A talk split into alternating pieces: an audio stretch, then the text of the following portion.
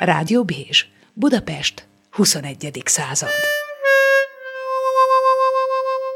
Az Amazonában Benda László, Lengyel Miklós, én Vályi Gábor vagyok. Ázsia ária, ezt a címet adtam a mai műsornak, mert hogy legalább több ária hosszúságú beszélgetés gondolok tartalmában a szakemberekkel Ázsiáról. Kezdjük azzal, hogy több országot vonalzóval és körzővel határoltak körben annak idején, vagyis hogy ezek ilyen nagyhatalmi politikai játszmák lehettek.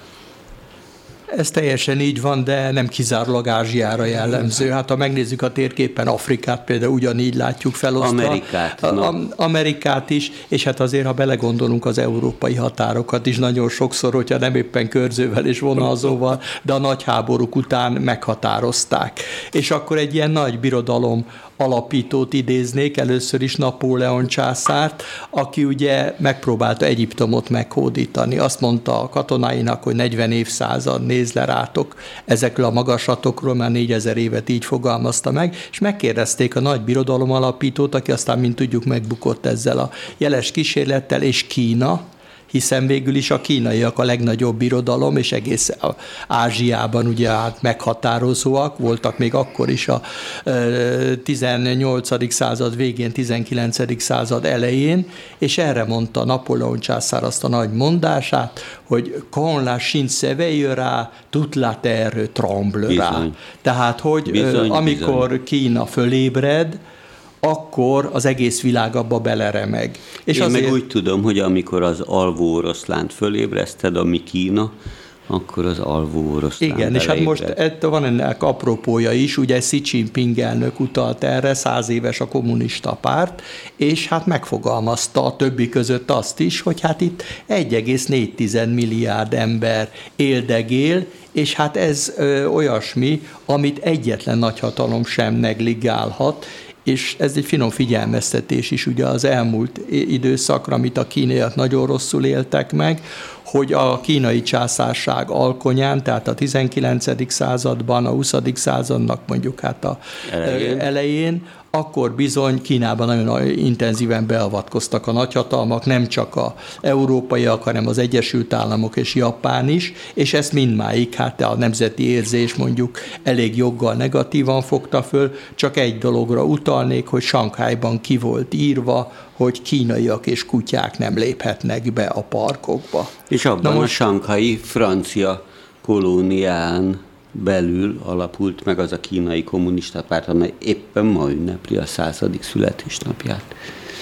Na jó, de hogyha mondjuk Trianonból indulunk ki, ami Magyarországon hatalmas nagy divat a jelenlegi kurzusban, akkor szinte nem találunk két olyan szomszédos országot, amelynek a határát tételezzük föl, hogy nem vonalzóval és körzővel húzták meg, de ne lenne akármilyen etnikai vagy határviszályban egymással. Az arab országok között, hát azért bárki ránéz a térképre, tényleg a léniával húzták meg a határokat, hogy létrehozzanak olyan mesterséges államokat, mint Irak, vagy mindegy, éppen Szíria.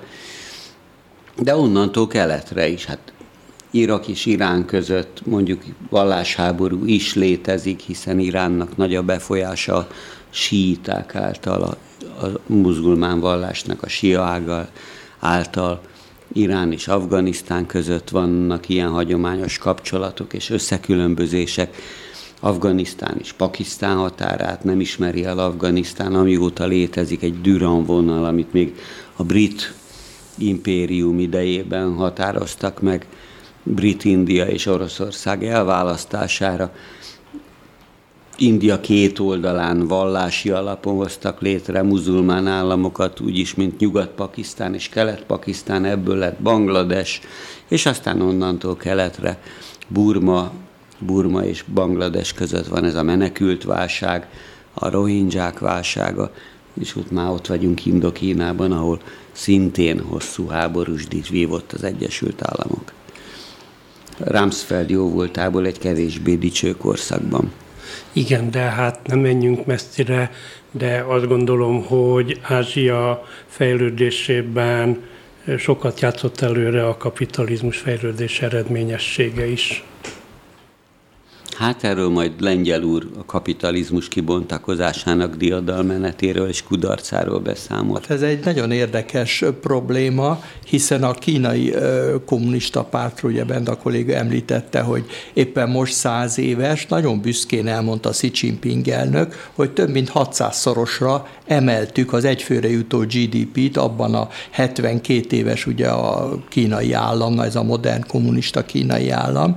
Tehát ilyen rekordot tudott fölállítani. És ugyan ő nem mondta, hogy ezt a kapitalizmusnak köszönhetjük, hiszen egy kommunista párt ö, dicsőségét, dicsőségét hirdető kongresszuson ezt nehéz lett volna beismerni, de mindenki tudja, hogy így van és azt, hogy milyen pragmatikus ez a kommunista párt, ez jól mutatja, hogy nagyon sokáig küzdött a kapitalizmus ellen, egészen Mao elnök haláláig, utána azonban váltottak, levonták a tanulságokat, hogy ez bizony nem megy, amit a Szovjetunióból importáltunk, mint szocialista rendszert, és inkább másfele nézelődtek, egészen pontosan Lee Kuan Yew szingapúri rendszerét próbálták meg utánozni, már amennyire lehet egy 5 milliós városállamot utánozni egy hatalmas birodalomnak ez lehetséges, és így sikerült alig több mint 40 év alatt egy teljesen lepusztult, szétesett Kínából egy modern világhatalmat teremteni, amire joggal büszke a kínai elit, és lényegében ma már az Egyesült Államok is tart attól, hogy Kína nem csak Ázsiában, hanem az egész világon, tehát a globális szférában is vetétás lehet, és ez különösen akkor nagy siker, ha megnézzük azt, hogy mire jutottak az európai kommunista pártok élükön a Szovjetunióval, ahol ugye hát évtizedekig uralkodtak, és teljes csőd a szereplésük, olyannyira, hogy még az utódállamok is nagyon szerényen szerepelnek, mert ezt a globális kapitalizmus nem tudták megérteni. Ellenben a kínaiak a maguk nagyon pragmatikus módján ezt sikeresen teljesítették ezt a házi feladatot, és ugye Benda kolléga, akinek a fejében van az egész politikai bizottság a kínai kommunista párt vezetőségéből, pontosan tudja, hogy hányan végeztek közülük az Egyesült Államokban, jó nevű egyetemeken, főiskolákon, tehát ott tanulmányoztak a kapitalizmust, ahol azt a legjobban csinálják. Tehát, hogy lényegében nem óvakodtak ettől, mint a nagy Szovjetunióban, ahol tudjuk, hogy nem is engedték külföldre a diákjaikat, és egyáltalán ez föl sem merült, hogy a saját elitjüknek legyen valami külföldi képzettsége, sőt a nyelvtudás Sztálin elvtárs idejében kifejezetten hát lehetőséget teremtett egy gyors halálos ítéletre. Tehát nem is nagyon szorgalmazta senki sem, hogy őről azt elterjedjen, hogy sok nyelven tud és külfölddel is jó viszonyban áll, mert ez bizony jó eséllyel a túlvilágra segíthette őt. Most a kínaiak más utat választottak, és ez az út sok sokkal sikeresebbnek látszik. És ez a megoldás jelen pillanatban is a legeredményesebb, nem csak a ö, úgynevezett, hát nem sok szocialista rendszer maradt már, mondjuk Vietnám, Kambodzsa, Kuba, mondjuk sorolható. nem, ebbe a Laos, sorba, igen, meg ebbe a sorba. Lényegében a legsikeresebb, és még nagyobb eredményeket tud fölmutatni a globális kapitalizmusban, mint az Egyesült Államok vagy Európa. És ez azt is mutatja, hogy minden ország élükön az Egyesült Államokkal valami fajta együttműködésre kényszerül, függetlenül attól, hogy szereti vagy nem szereti a kínai kommunistákat, vagy éppen magát Kínát, de ettől függetlenül együttműködésre van élve, tekintettel arra, hogy Kínának akkora szerepe, befolyása, jelentősége van a globális piacon, amit ma már senki nem tud negligálni. Na jó, itt két elméleti kérdés merült föl, amire érdemes volna reagálnom, akár csak azért is, hogy egy jót vitatkozzunk. Az egyik politikai síkon, a másik gazdasági síkon. Különben egyetértünk. Elméleti síkon nagyon érdekes volt, hogy Lengyel Miklós kollégám említette a szingapúri példát. Hát, most az, hogy a kapitalizmus győzött, Winston Churchill megmondta, hogy ez egy elég ócska rendszer, amíg nem találnak ki jobbat, addig ez marad, és így is igaza is volt. Rádöbbentek arra, hogy ez csak ugyanígy van, ezt Deng Xiaoping reform és nyitás politikájának nevezte. Annyiban viszont átemelte a szingapúri rendszert, és ebben hajlamosak a magyar megfigyelők lazán eltekinteni a tények fölött, hogy az egy kvázi egypártrendszer. Egy nemzeti akciópárt nevű mozgalom, méghozzá dinasztikus ágon, a apa kihív, kihívta a függetlenséget, elszakadt Malajziától, vagy a Maláj Államszövetségtől, majd a fiára örökítette a hatalmat, unokák nincsenek a láthatáron, illetve vannak, de nem politikailag nem potentátok. Egy frakcióharcokban őrlődő egypártrendszer, mondhatnám így. De hogy durvábbat mondjak, Japánban is végtére is a, a japán liberális nemzeti vagy liberális demokrata pártnak nevezett párt, hát minden csak nem liberális meg demokrata, de ez most maradjon közöttünk, egy konzervatív jobboldali párt, de tulajdonképpen 1955 óta két rövidebb megszakítása hatalmon van. És belső frakcióarcok szabdalják, de ott még a frakcióvezetőknek neve is van, és ezek alapján dőlnek el a harcok. Ez lesz a jelenlegi miniszterelnök Szugajosi idének a veszte. Szerintem meglehetősen közeljövőben, netán az olimpia után. Kínában, vannak ugyanilyen frakciós harcok, amik aztán egy nemzedékkel később derülnek ki, vagy addigra erősítik meg azokat a tényeket, amiket itt-ott így-úgy kiszivárogtatnak, de rádöbbentek arra, hogy a kapitalisták jól építik a kommunizmust, addig, amíg nem kérdőjelezik meg a kommunista párt monopólhatalmát.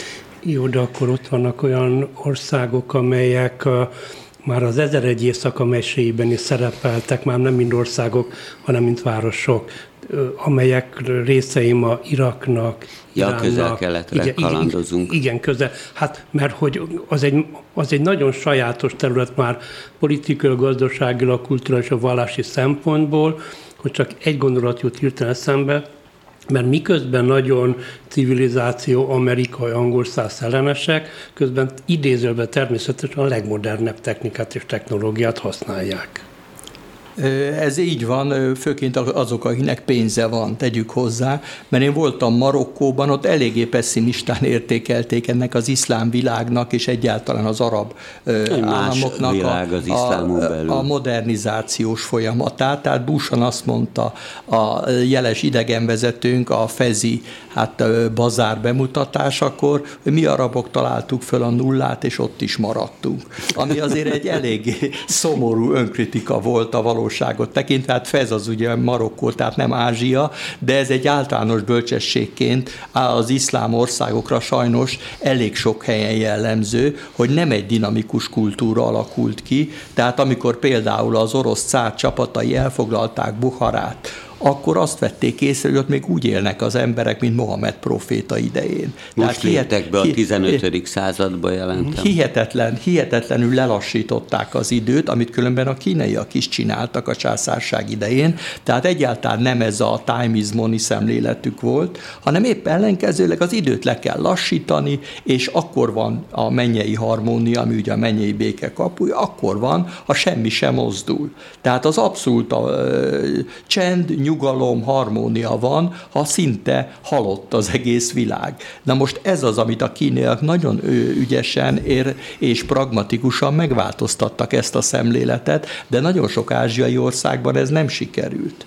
Hát ha belegondolunk, itt van például az indiai civilizáció, de ha megnézzük a perzsákat, akik szintén ilyen nagyon régi civilizációk, ott bizony ez a dinamikus fejlődés hát nem mutatkozik olyan nagyon gyorsan meg, mert említette jeles műsorvezetőnk teljes joggal azt, hogy milyen modern a technológia Kuwaitban például, vagy Katarban, ahol a foci világbajnokságot rendezik majd, de az mind import abban semmi saját nincs. A kínaiak viszont, vagy a korábban említett japánok, vagy a koreaiak, az először ugyan importálták az amerikai vagy az európai technológiát, de ma már ez nem így van. Ma már Európában vesznek koreai, japán autókat, kínai technológiát, ugye ezt az 5G rendszer például mi is a kínaiaktól vásároltuk, magyar rendszerről nem tudunk, vagy egyáltalán európai rendszerről se nagyon. Tehát lényegében ők... De majd, ha igen, akkor nagyon.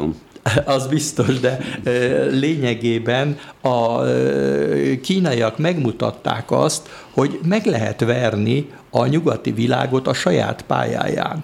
Tehát jobban teljesíteni ott, amire az amerikaiak oly büszkék voltak, hogy minden új felfedezés a technológiában náluk van, minden onnan indul ki, és a többi ország azt kopírozza 5-10 vagy még több éves lemaradással. Ebben tudtak változást elérni, amivel már a japánok is próbálkoztak, és ez az, ami megrémíti az Egyesült Államokat. És ahogy visszautalják a kérdés az ezer egy éjszaka meséire, sajnos a muzulmán világ úgy tűnik, hogy kimarad ebből a folyamatból, vagy csak nagyon sokadik sorban követi ezt a folyamatot. Nem tudunk olyan ö, sikeres muzulmán országról, amelyik hát ö, valójában eredményt tudna fölmutatni. Benda kolléga legutóbb írt például Irán új elnökéről. Na most, ha belegondolunk, az iráni forradalom például nagyjából ugyanakkor kezdődött, mint Kínában ez a gazdasági reform. Tehát a 70-es évek legvégén. Eltelt azóta valamivel több mint 40 év, hova jutott Irán, amint Benda kolléga cikkéből is kiderült, nagyjából sehova.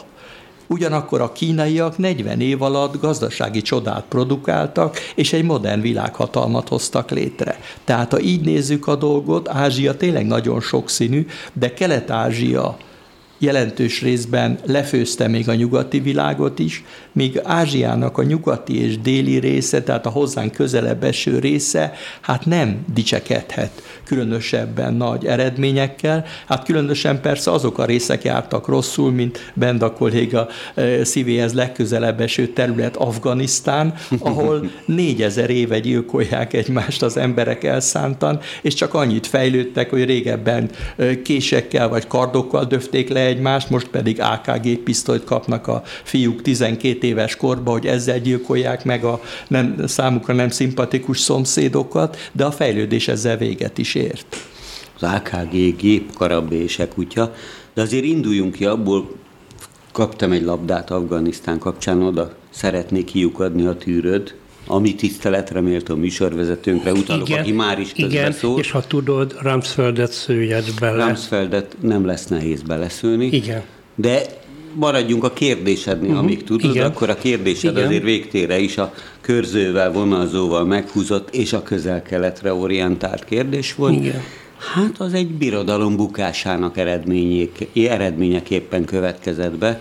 Ez volt a, a, a szultanátus, az ottomán birodalom vége a török birodalom vége, amikor csak ugyan a Sykes-Picot egyezmény nemrég volt száz éves, franciák, angolok szépen körzött vonalzót elő, és meghúzták a határait ezeknek az onnantól ismét vagy újólag létező államoknak.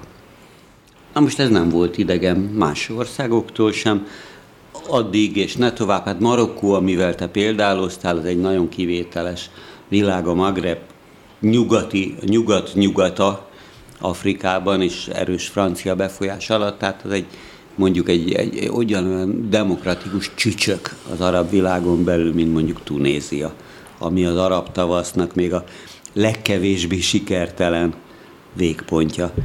De ezekben az országokban, igen, így, úgy, amúgy tovább élt a múlt, és ahogy mondtam, a perzsa időszámítás szerint, ami Mohamed proféta zarándoklatának, nem tudom, 722-t kell levonni a mi időszámításunkból, annyi addig évfordulóján köszöntött be, úgyhogy Iránban, meg Afganisztánban mostanában köszönt be a 15. század. És ez sajnos társadalmilag rá is nyomta a bélyegét.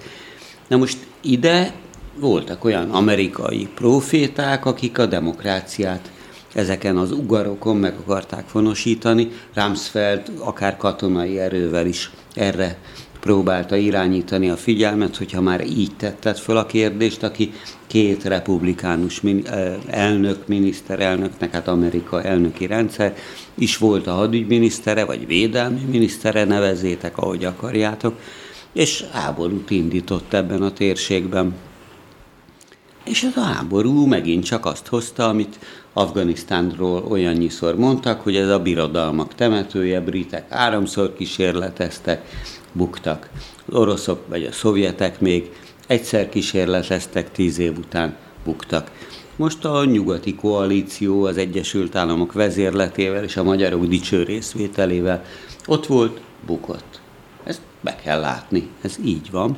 És ez mit sem változtat azokon a térképeken, amelyeket továbbra is vitattak, vitatnak és vitatni fognak.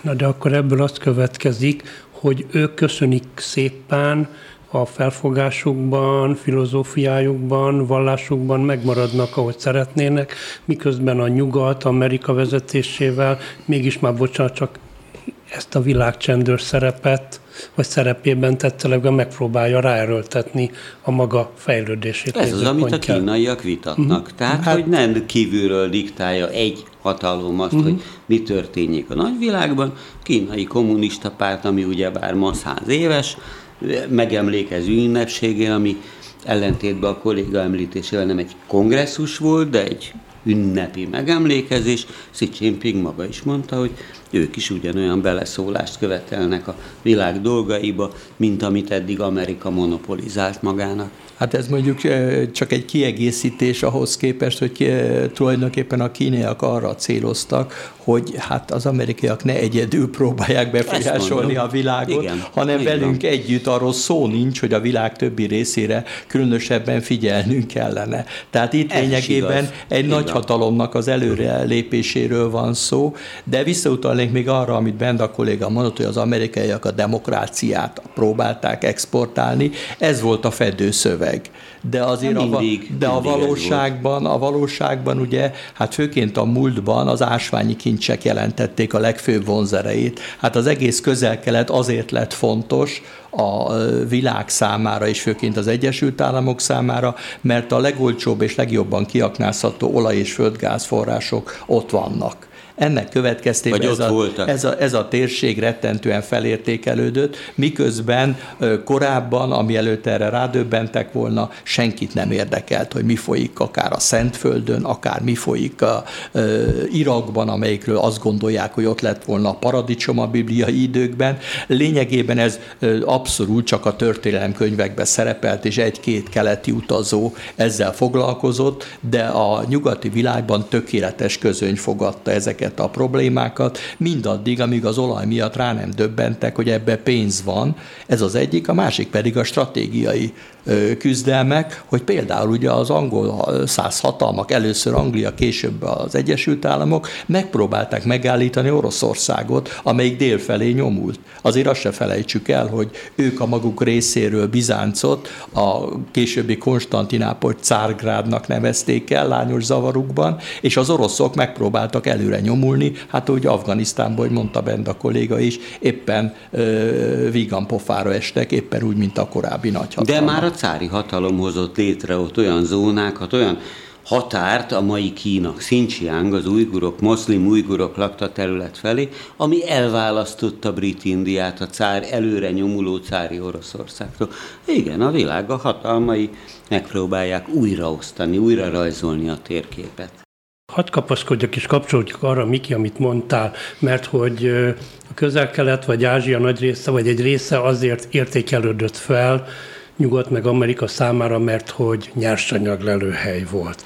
Na de most már pont az látszik, hogy nem csak az elektromos autók okán, hogy a, ezek úgynevezett matériás eszközök kezdenek a háttérbe szorulni, hanem most már mintha az látszódna, hogy két-három ember, nevezzük őket hackereknek vagy bármik, fél világot vagy akár egy cégcsoportosságba tudnak tartani, akár Ázsia idézőbb eldugottabb részeiből is. Ez valószínűleg teljes mértékben igaz, csak ugyanakkor arra hívják fel a figyelmet például a környezetvédők, hogy becsapós dolog az elektromos autóknak az előtérbe kerülése, és hogy hú de jó ez, ugyanis az elektromos energiát is elő kell állítani. A kínaiak, a kínaiak ugye nemrég írtak alá egy óriási szerződést Iránnal, amivel garantálják, hogy évtizedekig a perzsák szállítják nekik a kőolajat és a földgázt, ugyanis Kínának óriási az energiaigénye.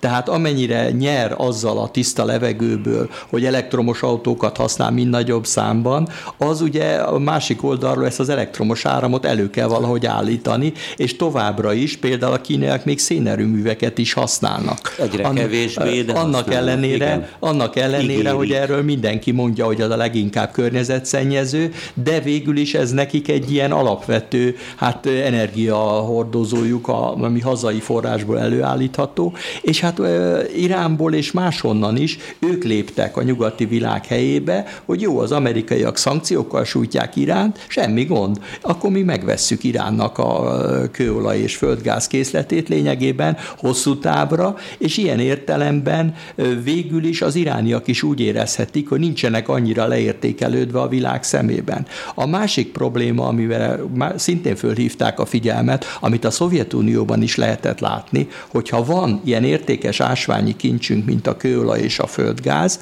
akkor fölmerül a kérdés, hogy akkor minek fárasszuk magunkat a fejlődéssel.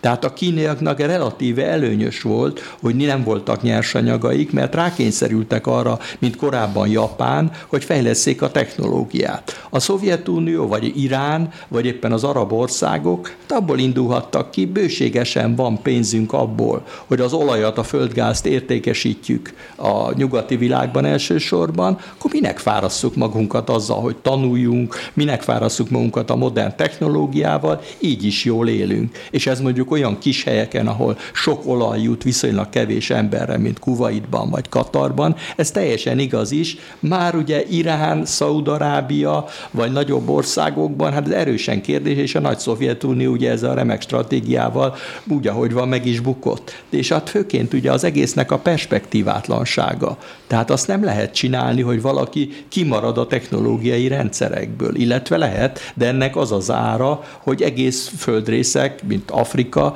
kimaradnak a fő folyamatokból, és legutóbb néztem egy ilyen statisztikát, hogy a pandémia az hogy érintette a különböző világrészeket, például Afrikát katasztrofálisan, például Indiát katasztrofálisan, miközben az Egyesült Államok, Európa egészen vígan átélte ezt a korszakot. Hát főként persze azért, mert a tőzsdék jól szerepeltek, amiből az átlagpolgárok valószínűleg nem olyan nagyon sokat profitáltak, de ennek ellenére Amerika, Európa, Japán egészen jó muzsikált, miközben... Na ugye a, a Japán is, tehát nem földrészekre kell bontani, hanem gazdagok és szegények, tehát gazdagság arányosan kell. Így van, nézni. de a gazdagságot hogy lehet megszerezni, és itt visszautalnék a kínaiak pragmatizmusára, hogy hát hogy lehet a gazdagságunkat úgy növelni, hogy ebből egyrészt a lakosság is profitáljon, hogy a tömegbázisa azért megmaradjon a kommunista pártnak, másrészt pedig, hogy versenyképesek legyünk a világgal. Tehát az Egyesült Államok azért nem respektálja azokat a ö, országokat, amelyeket lényegében kihasznál, mint Szaúd-Arábiát, hanem csak is azokat respektálja, amelyek vele hasonló nagyságrendű gazdasági teljesítményt tudnak nyújtani, mint Kína. Hát ez ugye közismert, hogy általában veszélyként említik Washingtonban mind Kínát, mind Oroszországot, de Oroszországra csak legyintenek, hogy szerencsétlen elmaradott ország. Veszély, Kína kihívás. Kína az egy komoly vetétás, mert őket komolyan kell venni, komoly gazdasági erő van, technológia van, perspektívája van, mint nagyhatalomnak, Oroszország pedig egy stagnáló nagyhatalom, amelyiknek a lakossága is csökken. Na jó, az ez egyszerű, némiképpen lengyel kollégának az elemzése az Stalin történelem, történelem elemzésére emlékeztet engem, enyhén szólva leegyszerűsítő, szóval, hogy a Szovjetunió, láttam ilyen lengyel kolléga legjobb tanítványának, Enver Hodzsának Albániában egyik kedvenc karikaturistája készített, hogy Brezsnyev szájába lóg a banán. Tehát, hogyha ott az olaj meg a földgáz, akkor nem kell egyéb területeket fejleszteni. Na most teljesen nyilvánvaló, hogy szintúgy leegyszerűsítés az, hogy hát az amerikaiak legyintenek Szaudarábiába, mert már nem olyan fontos az olaj meg a földgáz, most már ők is megcsinálják palagázt, meg a cseppfolyósított földgázukat, a túrót, nagyon fontos stratégiai partnerük, embertelen pénzeket ölnek bele. Afganisztánba is még mindig fognak embertelen pénzeket ölteni, csak hogy föltartóztassák az őket fenyegető nemzetközi terrorizmus nevezd, aminek akarod. De ez is biztos... csak fedőszöveg. Nem is, hogyha Rumsfeld... És, és szükségük van a Afganisztánban fölelhető és biztonságosan kiteremelhető nyersanyagokról valóban van nem, minden nyersanyag. Nem, hát nem, akkor de Rumsfeld, Rumsfeldnél ugye az látszott már Irak esetében is, stratégia. Irakban nem csak a stratégia, hanem olyan a háborúra szükség van, az amerikai hadiköltségvetésnek a méreteit valamivel meg kell indokolni. Ja, Tehát ki az, kell hogy, próbálni a fegyvereket hát talán inkább. Ne, inkább csak az, hogy hát miért kell ilyen sok pénzt költeni fegyverekre. Na hogyha, és miért? Hogyha és nem, akkor az miért van, és nem, az miért így van? van, hogyha nem fenyeget minket senki. Ne Tehát, fenyeget, mindig kitaláljuk, hát hogy ki fenyeget. Azért, hát ez az egész iraki bevonulás, ugye emlékszünk, hogy milyen tragikómikus volt, hogy az Egyesült Államok első fekete vezérkari főnöke magyarázgatta a világ előtt, hogy Saddam Husseinnek rettenetes tömegpusztító fegyverei vannak, és Saddam Hussein állítólag a fejét verte a falba, mert éppen semmilyen tömegpusztító fegyvere nem volt, és nem tudta elképzelni, hogy ekkora hazugsággal meg lehet indítani egy hadjáratot. És meg is indították, Saddam Hussein hadseregét szétvert, tették, őt pedig ugye érdemi elismeréseképpen felakasztották. De ennek ellenére... Nem akasztották föl, de nem, kimúlt, hát nem, kimúlt ja. Saddam hussein felakasztották, nem? Legyen. Én úgy tudom, hogy elítélték Irakban, és felakasztották. Na, Najibullah volt, de nem, mindegy, nem. hogy, Saddam hogy Hussein hát így végezte az életét, életét Irakban. Csak azért mondom, hogy lényegében tehát egyáltalán nem olyan egyszerű ez a dolog. Az ásványi kincseknél is ennyiben hát cizelláltabban kell valóban fogalmazni. Miért kell nekünk ezt katonai erővel elfoglalni, hogyha pénzért is meg megvehetjük. Ezt teszik a kínaiak. Tehát, tehát, hogy lényegében nem szükséges a fegyverrel dominanciát teremteni egy térségben, a nyersanyag termelő országok úgyis a piacra viszik, mert ebből élnek. Tehát lényegében a kiszolgáltatottsága ezeknek az országoknak megmarad, mindaddig, amíg Amerika a centrum. És az a problémája most a kínaiakkal szemben, mi van, hogyha Kína is centrummá válik, és meghatározhatja például az árakat a világpiacon. Még egy dolog. Tehát ahogy korábban a hidegháború idején mindenki mondta, hogy Oroszország a fő ellenség, fő ellenfél, mindegy ellenség, de egy gazdasági nulla. Katonai nagyhatalom, gazdasági nulla. Kína nem az. De fő ellenség, fő ellenfél, hol így, hol úgy nem, fő, partner, mit tudom én, ellenfél, aztán néha ellenségnek nevezik, de nagyon komoly gazdasági súlya van. És ez az, amit figyelembe kell venni. Az első gondolatmenetedbe is felvetetted, hogy igen, ez egy olyan óriási piac, ahova mindenki törekszik, akármilyen szankciót vezetnek be ellene, itt mindenki akar eladni és onnan venni, mert a világ mai Manchestere is egyben, most mindegy, hogy hogy működik, de hát most éppen a világbank emelte a növekedési perspektíváit 8,5 százalékra az idén, tehát aztán jöhet még a járványkezelés, meg mindenféle dolgokat bele lehet vonni, de igen, bizony Kína egy nagyon komoly kihívás, amely gazdaságilag is ellenfél. És hát itt le, ismét utalnék a kínaiak pragmatizmusára hogy ők arra döbbentek rá még a reform folyamat kezdetén, hogy érdekelték el tenni az Egyesült Államokat és a nyugati világot a kínai fejlődésben.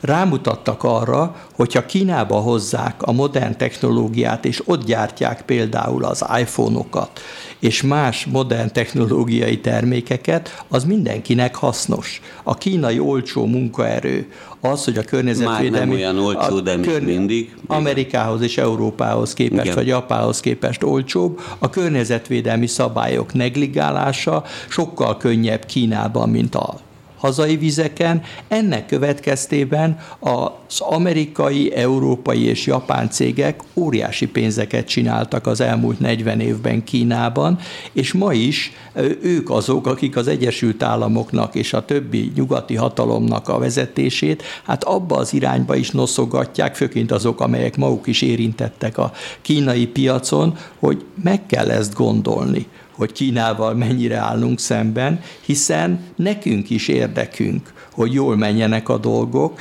ebből mi profitálunk. Az Apple, ami ugye a legdrágább cége a világnak, főnöke a legutóbbi uh, diadalitas jelentésében, amiben közölte, hogy remekül teljesített az Apple részvény az elmúlt negyed évben, Kérdezték, hogy miért, egy szóval válaszolok, Kína.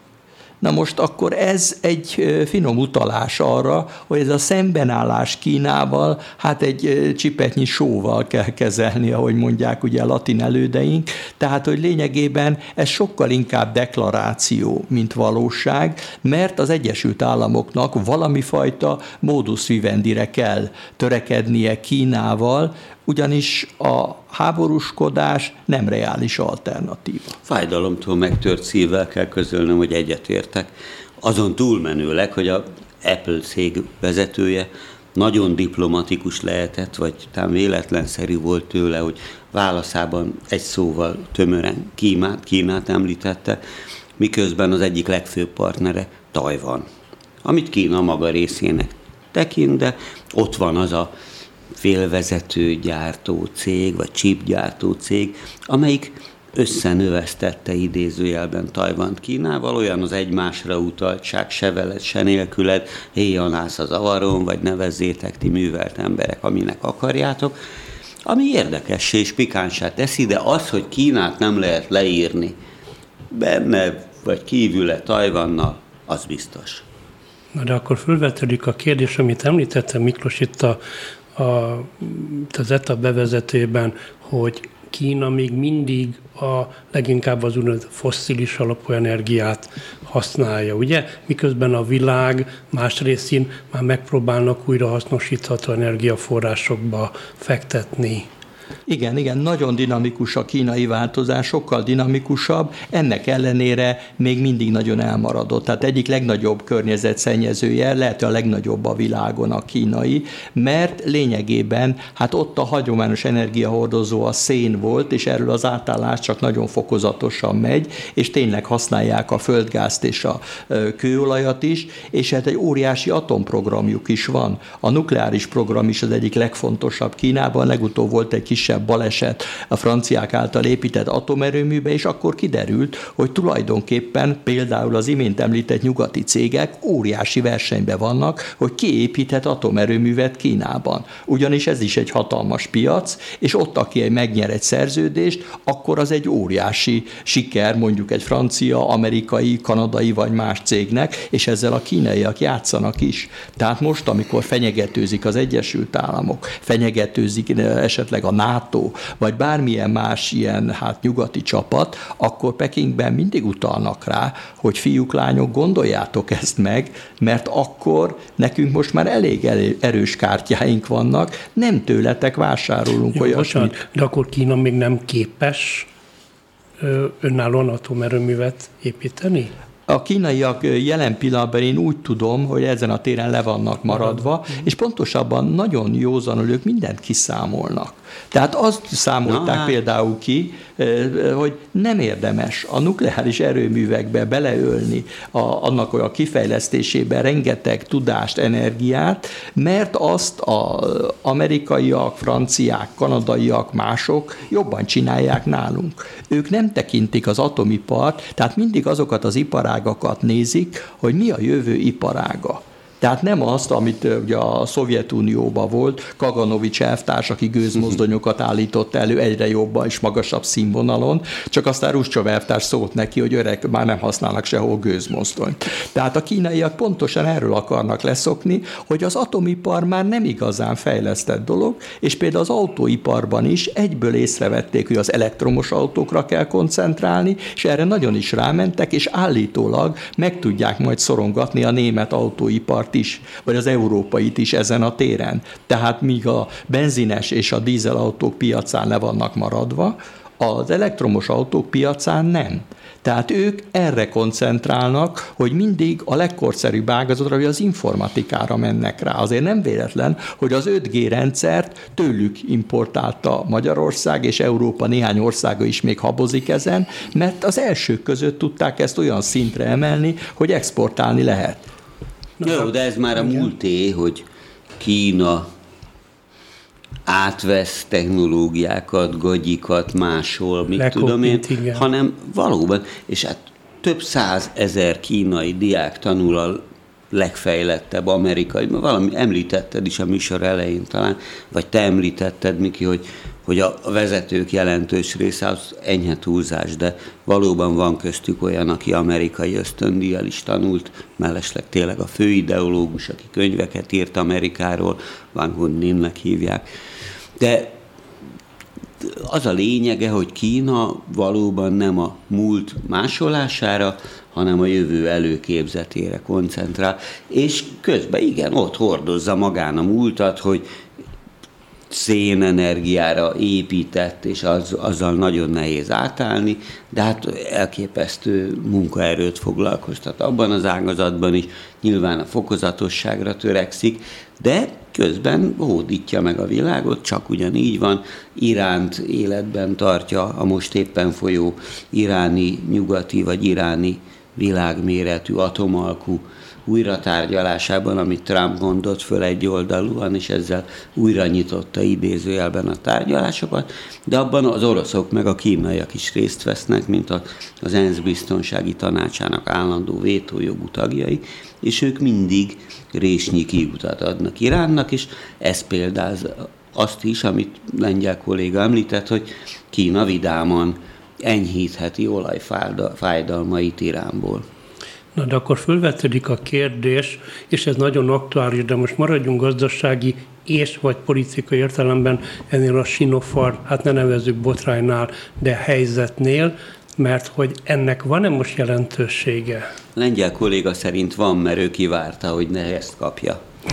Így van. Jó, ez, jó bocsánat, Laci, de csak azért, mert te mind a két esetedet itt elmondtad a Persze, és az hogy te nyilvánvaló, de nem, hát előrelátóbbnak bizonyult, én még mindig a szkeptikusok oldalán állok, de ez maradjon köztünk azt gondolja az ember, amit tehát nekem az orvos ismerőseim mondtak, hogy ez a Sinopharm vakcina, ez teljesen jó, normál életkorú és átlagossát emberek számára, tehát 60 év alattiak számára. De miután mi már sajnos túl vagyunk ezen a 60-as korcsoporton, így tehát vagyunk, ezért igen. inkább ajánlották ezeket az amerikai szereket, ezeket amelyeknek a védettségi koeficiensei is jobbak, plusz valószínűleg jobban megfelel az életkori sajátosságoknak is.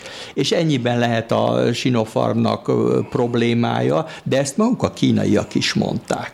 Tehát bent a kollégait emlékszem, ezen töprenget, hogy hogy, hogy ilyeneket mondanak. Ezt ők maguk megírták a saját közvéleményük megnyugtatására, ugyanis ott jelentkeztek a nagy oltási kampány közben a kínai polgárok, hogy elmúltam 60, miért nem kapok én ilyen oltást? És erre a Global Times, amelyik ugye a kínai kommunista párt hivatalos lapja, úgy vesszük angol nyelven, az próbálta megnyugtatni az idős polgártársakat, hogy fiúk, lányok, azért nem kaptok ilyen oltást, mert ez nem tudjuk, hogy 60 fölött ez milyen hatással jár, mennyire jó, tehát lényegében várjatok a, arra, amíg találunk egy olyan vakcinát, ami nektek is jó, és találtak is, a kínaiak is valamit kifejlesztettek, ami hasonló. Ez a ehhez, e, e, ehhez a, tehát már egy korszerűbb, mint ez a nagyon hagyományos Sinopharm vakcina, és most már ugye több mint egy milliárd ember beoltottak Kínában. És úgy tűnik, hogy a járványt tudják kezelni, pedig azért hát a világ legnagyobb, legnépesebb országában ez nem egy egyszerű feladat. És végül is megoldal, úgy látszik, hogy megoldódik ez a probléma, míg ugye Indiában, amelyik ugye a másik fő célpontja volt a járványnak, hát eléggé végzetes adatok érkeznek a tömeges halálozásokról, és arról, hogy a kormányzat egyáltalán nem ura a helyzetnek. A kínaiak, akik ugye erre nagyon adnak, és hát teljesen érthető a saját szempontjukból, hogy a hatalom maximális, hát brutalitással is olykor, de mindig azt sugalja a polgároknak, hogy mi uraljuk a helyzetet, hogyha itt a vírus, mi legyőzzük a vírust, és azt is deklarálhatta most ugye Xi Jinping elnök, hogy hát legyőztük a vírust. Hogy ez tényleg így van-e és mennyire van így, azt nem tudjuk, de lényegében azért a helyzet azt mutatja, hogy Kína első között jutott túl a járványon, és a gazdasági teljesítménye töretlenül megy előre, míg a többi országok, beleértve akár az európai államokat is, köztük Magyarországot, még mindig isszák a levét a járványnak, és teljesen bizonytalanok, hogy mikor lesz ennek vége, és abba viszont biztosak lehetnek, hogy a járvány után Kína szerepe befolyása a világban sokkal nagyobb lesz, mint volt a járvány előtt. Ezért is vetették fel az amerikaiak azt a verziót, hogy mi van, hogyha a kínaiak esetleg a laboratóriumukból akarattal hagytak egy vírust megszökni, mert ezzel a módszerrel a világgazdaságot a maguk javára billenthették. Ez nyilvánvalóan feltételezés, amit senki, nyilvánvalóan, amit, mondom, hangsúlyozom amit sen, senki nem támaszt alá. De titkos de, de jellemző, jellemző, hogy Trump elnök vetette ezt föl, és Bidenék is újra elővették, és ráúszította Biden elnök a titkos szolgálatokat, hogy hát tudjatok meg valami biztosat. Aztán egy vezető a titkos szolgálatból közölte, hogy hát egy hónapja már nyomozunk, Biden megbízásából semmi biztosat nem tudunk, és nagy valószínűséggel nem is fogunk tudni, mondta vidáman, de ettől függetlenül nyilvánvalóan fölmerült, vagy fölmerülhetett az amerikai elitbe is ez a feltételezés, hogy hát akkor